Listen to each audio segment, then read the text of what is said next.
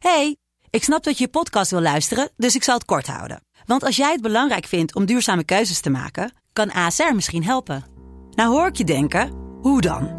Nou, bijvoorbeeld bij het duurzaam herstellen van schade. Of de premies die we beleggen volgens ons duurzaam beleggingsbeleid. Dat bepaalt waar we wel en juist niet in investeren. Wil je meer weten over welke duurzame keuzes ASR maakt? Ga dan naar asr.nl slash duurzame keuzes. ASR doet het. Zo, dan kan je nu lekker naar je podcast luisteren. Hey, ik snap dat je je podcast wil luisteren, dus ik zal het kort houden. Want als jij het belangrijk vindt om duurzame keuzes te maken, kan ASR misschien helpen. Nou hoor ik je denken, hoe dan? Nou, bijvoorbeeld bij het duurzaam herstellen van schade. Of de premies die we beleggen volgens ons duurzaam beleggingsbeleid. Dat bepaalt waar we wel en juist niet in investeren.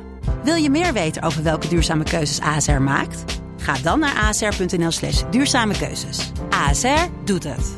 Zo, dan kan je nu lekker naar je podcast luisteren.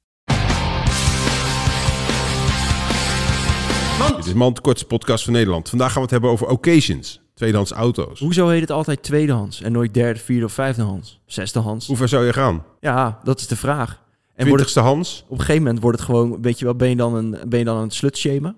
Ja, is een hoertje. Ja, dat is mijn achte eigenaar. Ja. Hoer. Hoer. Dit was Mand.